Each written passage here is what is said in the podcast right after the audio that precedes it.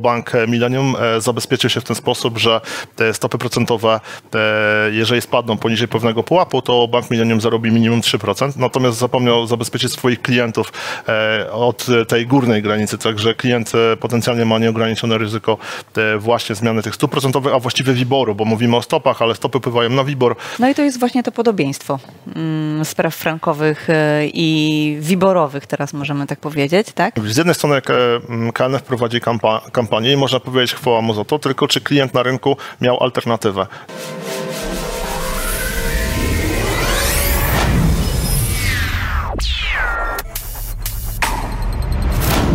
Mecenasami kanału są Mennica Skarbowa SA, lider polskiego rynku złota. Platforma do tokenizacji Mozaiko, nowa definicja inwestycji. KuCoin, czołowa giełda kryptowalut na świecie. Linki do partnerów kanału znajdują się w opisie materiału. Jacek Jakubiuk, witam Was na kanale Finansowy Preppers. Dzisiaj moim gościem jest Magda i Dominik. Dominik. E, przyjeżdżacie z kancelarii.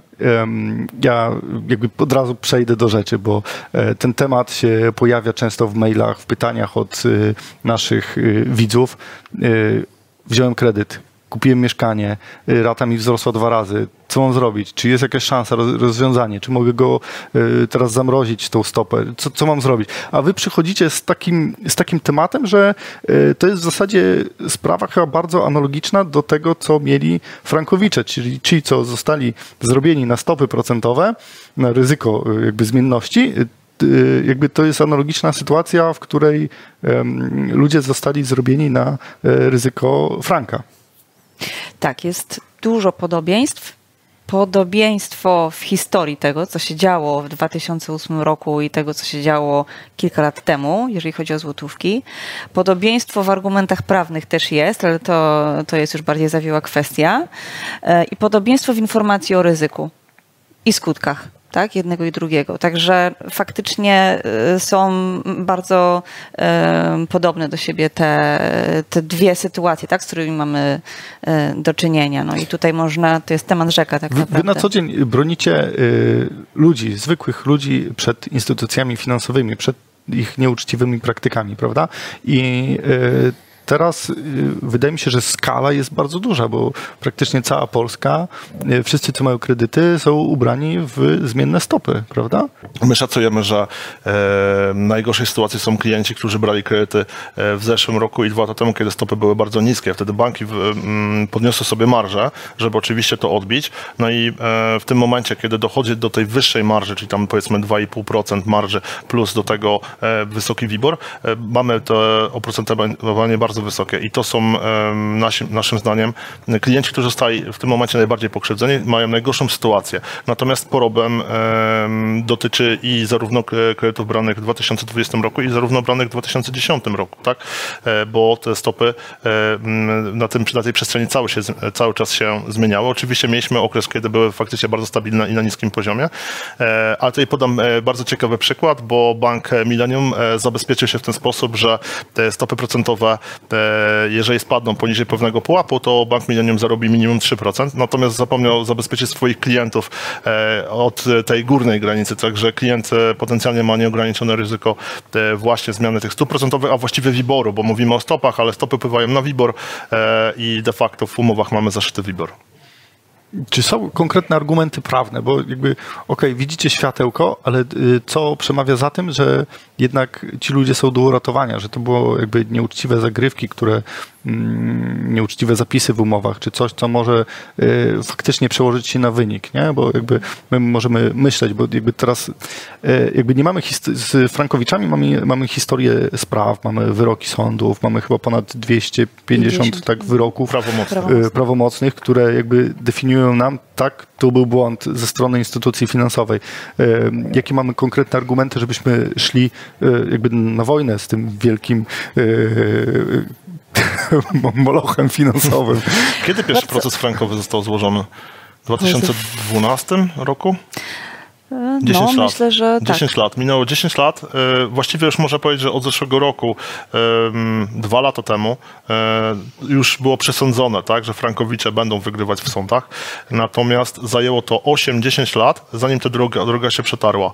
Myślę, że jeżeli chodzi o WIBOR, będzie to znacznie szybciej, bo po pierwsze świadomość sędziów w sądach, tak, e, sędziowie nie zajmowali się do 2016 roku, roku sprawami banków. Były wydawane na przykład bankowe tytuły egzekucyjne. Nie było tych, nad, y, znaczy nawet nie wiedzieli o tych nadużyciach, bo nie, nie, y, bank mógł przeprowadzić proces przeciwko swojemu dłużnikowi potencjalnemu, e, nie pokazując umowy banku. Wystarczył wyciąg z ksiąg rachunkowych banku. Pan Kowalski e, zalega nam 350 tysięcy.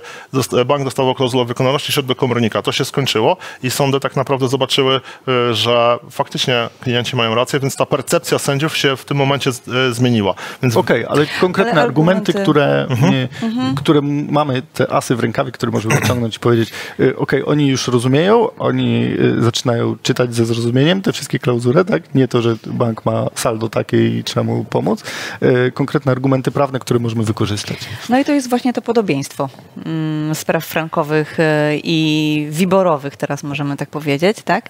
Bo we frankach chodziło o wykreślenie konkretnie takiej klauzuli, klauzuli, która e, pozwalała bankowi samodzielnie ustalać kursy walut, po których będzie przeliczana rata ze złotówek na franki szwajcarskie.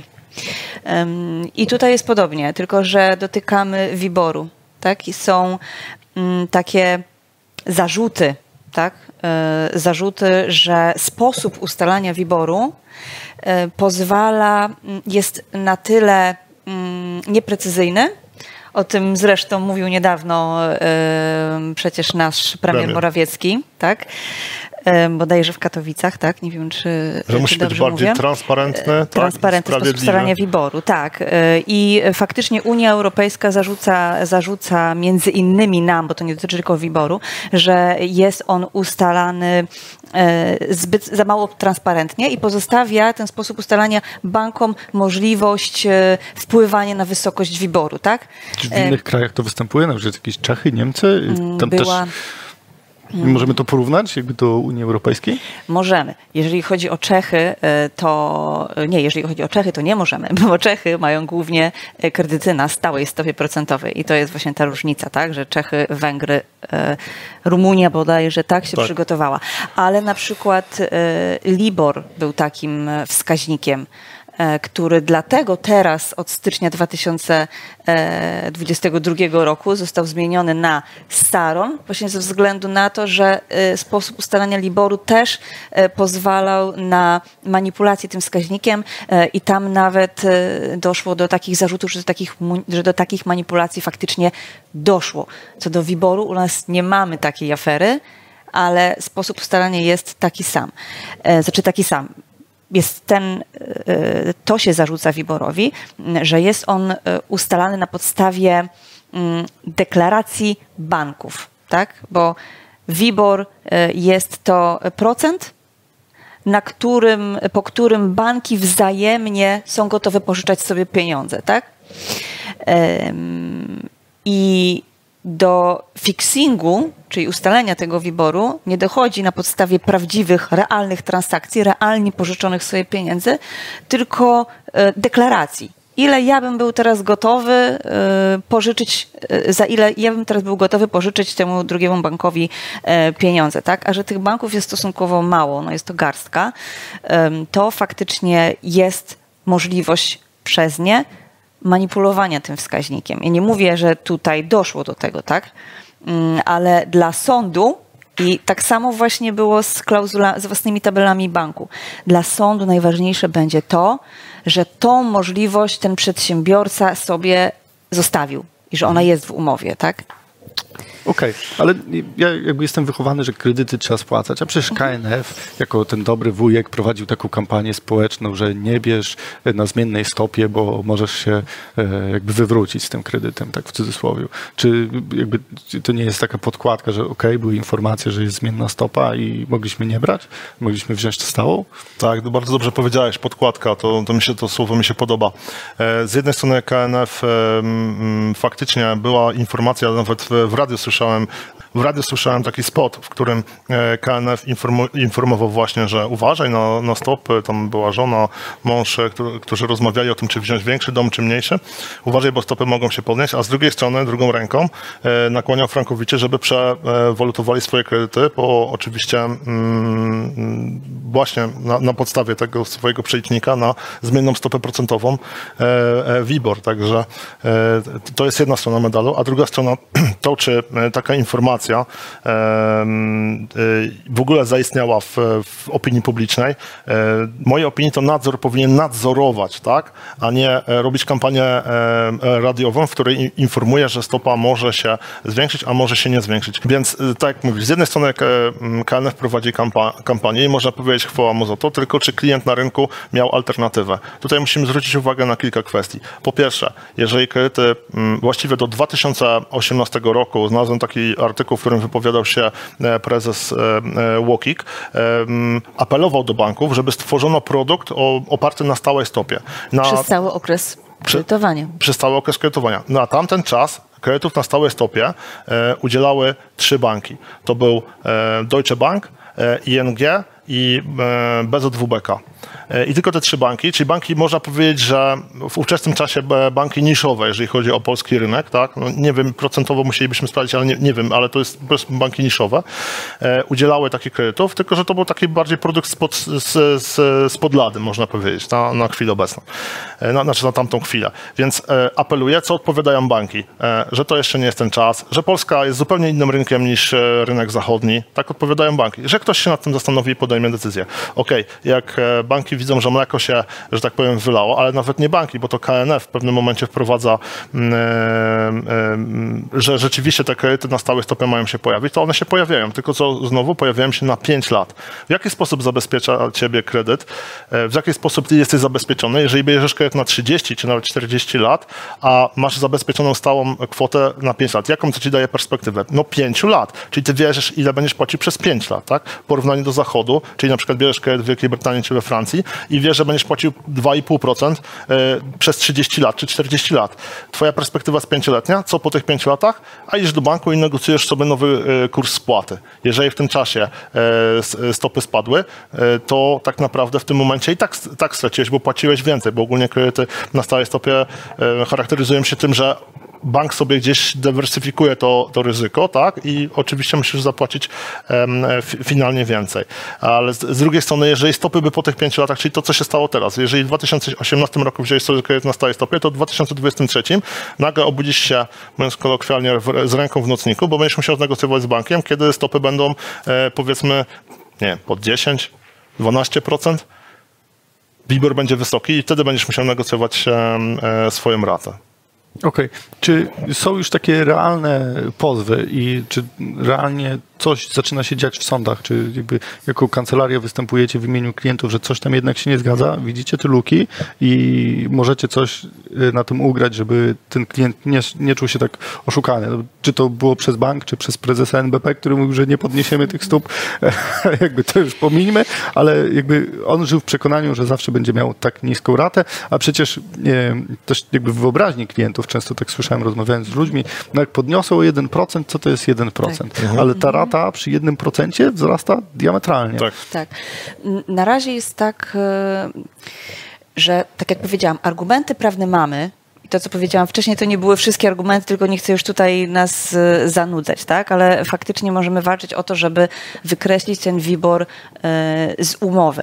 Ale czym innym jest to, że my mamy teraz argumenty prawne, a czym innym e, to, jak orzekają sądy. Na razie w Polsce takich pozwów nie, no, jest raptem kilka, tak? Ale to nawet nie są wyroki już wydane, tylko w internecie czytamy, jakaś kancelaria się chwali na przykład, że złożyliśmy pierwszy pozew WIBORowy, ale stąd jest jeszcze rok, dwa, trzy do ustalenia y, linii orzeczniczej, tak? Czyli żeby sędziowie wypracowali jednolity sposób y, orzekania i będziemy wiedzieć, czy te argumenty, czy te sądy zgadzają się z naszymi mm, argumentami, ale co my robimy teraz? Bo my jako kancelaria prawna reprezentujemy klientów, którzy pozywają instytucje finansowe, ale też przede wszystkim tych, którzy są pozwani przez instytucje finansowe, tak? Z jakichś powodów przestali spłacać kredyt, zostali pozwani, tak? My tam widzimy argumenty. I takich procesów toczy się bardzo dużo, w których podnosimy właśnie te argumenty, nie narażając klienta na, na poniesienie kosztów, tak? I na żadne ryzyko, no bo on teraz nie ma nic do stracenia, po prostu się broni, tak? E, I myślę, że tą drogą przetrzemy e, tą linię orzeczniczą. Jak sąd w tym procesie obronnym, tak? Będzie musiał się raz, drugi, trzeci, czwarty, piąty odnieść e, do tych naszych argumentów, to potem też mm, będzie prościej prawnie skonstruować taki pozew, tak? E, I będzie to mniejsze ryzyko dla tej osoby. I takich spraw faktycznie jest już, no myślę, że z dziesiątki mamy. Tak. I zobaczymy, jak. Myślę, że w ciągu najbliższego pewnie roku, dwóch e, będziemy mieć wyroki w tych sprawach. Okej. Będziemy w stanie coś więcej powiedzieć. Daj, dajecie teraz ludziom dużo nadziei, tych, którzy jakby mają tą pętlę kredytową zaciśniętą na szyi, Ym, ale wiadomo, że jakby y, mocowanie się z y, instytucją finansową to jest jakiś proces. Jak ten proces wy, będzie wyglądał, y, co, na co muszą się przygotować y, kredytobiorcy, żeby, żeby wiedzieli, jak, jak, to, jak to się wszystko będzie działo, bo jakby proces może y, trwać latami, a raty nam będą rosły, tak? Czy to tak wygląda? Znaczy tutaj klientów musimy podzielić na dwie kategorie. Pierwsi, którzy mają już problem ze spłatą i nie będą spłacać tego kredytu, po prostu nie mają środków na, na spłatę tego kredytu, no bo jeżeli rata zm- zmienia się z 3 na 6 albo z 2 na 4, to e, drastycznie obciąża budżet. E, a drudzy klienci to, którzy jednak będą e, chcieli ten bank pozywać, bo widzą tutaj niesprawiedliwość. No my ją widzimy, a to zawsze jest decyzja i e, e, ostatecznie ryzyko klienta. W pierwszej sytuacji tutaj, że tak powiem, pole jest e, bardzo duże, bo wyobraź sobie sytuację, w której ty spłacasz kredyt hipoteczny. E, Twoje raty urosły, powiedzmy do tych 4000. Ty przez jakiś czas spłacasz te raty, w pewnym momencie mówisz stop. I e, możesz w tym- momencie pozwać bank, czyli zrobić taki krok do przodu i mówisz, pozywam bank, bo ta umowa naprawdę z mojej perspektywy nie jest zgodna z prawem i składasz ten pozew do sądu. Wówczas w sądzie sąd będzie rozsądzał, czy faktycznie ten WIBOR powinien być, czy nie. W międzyczasie oczywiście nie spłacasz tego kredytu, więc bank może cię pozwać. Sąd powinien zawiesić ten proces i najpierw e, wyjaśnić tą sprawę, którą ty pierwszy poruszyłeś. Może się w efekcie okazać, e, że w momencie, kiedy na przykład bank wypowiadał ci tę umowę, to ona wcale nie była wymagalna z tego względu, że, że miałeś nadpłatę na tym kredycie. No bo skoro te, te odsetki nie powinny być tak wysokie, to mo- mogło się okazać, że w momencie, kiedy bank wypowiadał ci umowę, bo twierdził, że nie ma, masz niedopłatę, ty powinieneś spłacać tylko ratę powiedzmy 2000, a nie 4, miałeś nadpłatę na kredycie. I tutaj, tutaj e, tak naprawdę zostajesz i z nieruchomością i możesz ten kredyt sobie kontynuować. Oczywiście mówię bardzo skróconej wersji, tak, ale możesz ten kredyt sobie kontynuować e, na, na warunkach e, wcześniejszych. Dwa, możesz zostać pozwany e, przez, e, przez bank i wtedy też e, te argumenty, które, e, czyli tak naprawdę czekasz na pozew. E, Bank cię pozywa e, i podnosisz argumenty e, związane właśnie z e, tym, że WIBOR, e, że tego WIBORu nie powinno być w umowie. I wówczas e, ten proces może zakończyć się dwojako. Pierwszym, faktycznie sąd stwierdzi, że ta klauzula powinna być z umowy wykreślona e, i wówczas e, może znowu się okazać ta sama sytuacja, że ten kredyt nie był wymagalny w momencie, kiedy złożyłeś, e, kiedy, kiedy bank ci ją wypowiedział, bo miałeś nadpłatę na tym kredycie, tak? I w tym momencie nie mógł ci wypowiedzieć umowy, ale drugie rozwiązanie jest to, że umowa była nieważna. I to już jest bardzo duży skutek, bo jeżeli umowa jest nieważna, to bank pozwól cię tak naprawdę ze złego tytułu prawnego, czyli on pozwól cię z umowy. Czyli sąd oddali takie powództwo. Co więcej, oczywiście ty będziesz musiał rozliczyć się z kapitału, ale tylko i wyłącznie z kapitału, bez żadnych kosztów, odsetek, prowizji, e, czegokolwiek, co tam było zawarte, a wiemy, jak wyglądają umowy, e, e, umowy o kredyt hipoteczny. Rozliczasz się tylko i wyłącznie z kapitału i z bankiem się wówczas rozchodzisz. Taki sam skutek będzie miał oczywiście wtedy, kiedy pozwiesz bank, czyli po pierwsze wykreślenie WIBOR-u. Wówczas ta nad, nadpłata powinna e, wrócić e, do, w twoje ręce i e, rata tego kredytu na przyszłość powinna się obniżyć, albo unieważnienie, czyli wówczas wszystkie opłaty tego kredytu e, będą anulowane, a zostaje ci do rozliczenia kapitał, tak? No i teraz pojawia się pytanie, bo dla jednego klienta może być to niekorzystne rozwiązanie. Skoro wziąłem 600 tysięcy, kupiłem sobie za to mieszkanie, mam kapitał, spłacam, nie wiem, rok, mam tego kapitału 580 tysięcy do spłaty, czy tam 590 tysięcy do spłaty, ale chcę mieć tą nieruchomość, to niekoniecznie unieważnienie umowy może być dla mnie korzystne. Natomiast to już jest kwestia konkretnego klienta i tak dobieramy rozwiązania, żeby, żeby nie powoływać tego zarzutu wówczas. Okej, a jeszcze wracając do procesu, bo zazwyczaj e, jeżeli chodzi o jakąś upadłość konsumencką, czy jakieś sprawy frankowe i tak dalej, to ludzie, którzy mają bardzo mocno zaciśniętą taką pętlę na szyi, e, mają w głowie, że jeżeli idą do prawnika, to prawnik im mówi, że ok, musicie dać 5 tysięcy, to dopiero złożymy e, jakiś tam wniosek i zaczniemy działać i to się wiąże z kosztami, z kosztami, z kosztami. Oni nie mają na raty. Czy jak, jak to wygląda, y, na co muszą się y, klienci przygotować przychodząc do Was, prosząc o pomoc? Nasza spółka zajmuje się e, właśnie dochodzeniem roszczeń od instytucji finansowych. E, Co więcej, mamy e, usługę, w której finansujemy procesy. Mamy oczywiście też i kupujemy wierzytelności przeciwko instytucjom finansowym, czyli jesteśmy taką odwrotnością firmy windykacyjnej. Właściwie może nie odwrotnością, po prostu naszymi klientami są konsumenci albo przedsiębiorcy, klienci rynku finansowego i pozywamy instytucje finansowe E, i e, na chwilę obecną pracujemy nad produktem, na którym my przejmiemy, e, weźmiemy pełne ryzyko takiego procesu i wówczas klient nie ponosi kosztów ani ryzyka takiego procesu, natomiast to, to jeszcze, że tak powiem, się nie zadziało. Musimy tutaj jeszcze troszeczkę nad tym popracować. Widzę, że mocno wierzycie, jakby, że jakby pewnych ludzi da się uratować. Na koniec odcinka mamy taką tradycję, że każdy z gości ma dla nas taką złotą myśl. Kamera jest dla Was. Nie bierzcie E, nie, nie, nie, nie, nie. Wszystko jest dla ludzi, tak? My mamy taką jedną swoją myśl, że trochę nawiązujące do twojej e, myśli, że kredyty e, długi trzeba spłacać. I długi A, trzeba faktycznie. spłacać, ale mądrze. Tak, bo mamy taką tendencję mm, w naszym, w naszym kraju do postrzegania dłużnika zawsze jako osoby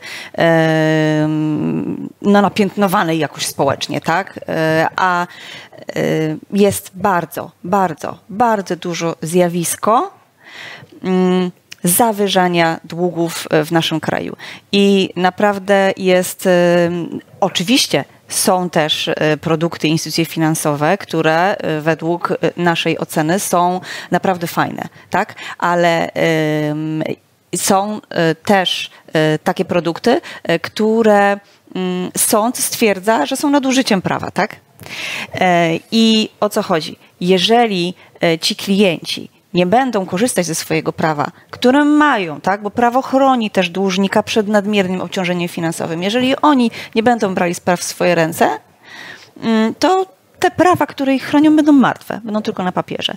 Także em, myślę, że jeżeli przychodzi nam na myśl, że nasze zadłużenie jest coś z nim nie tak, tak?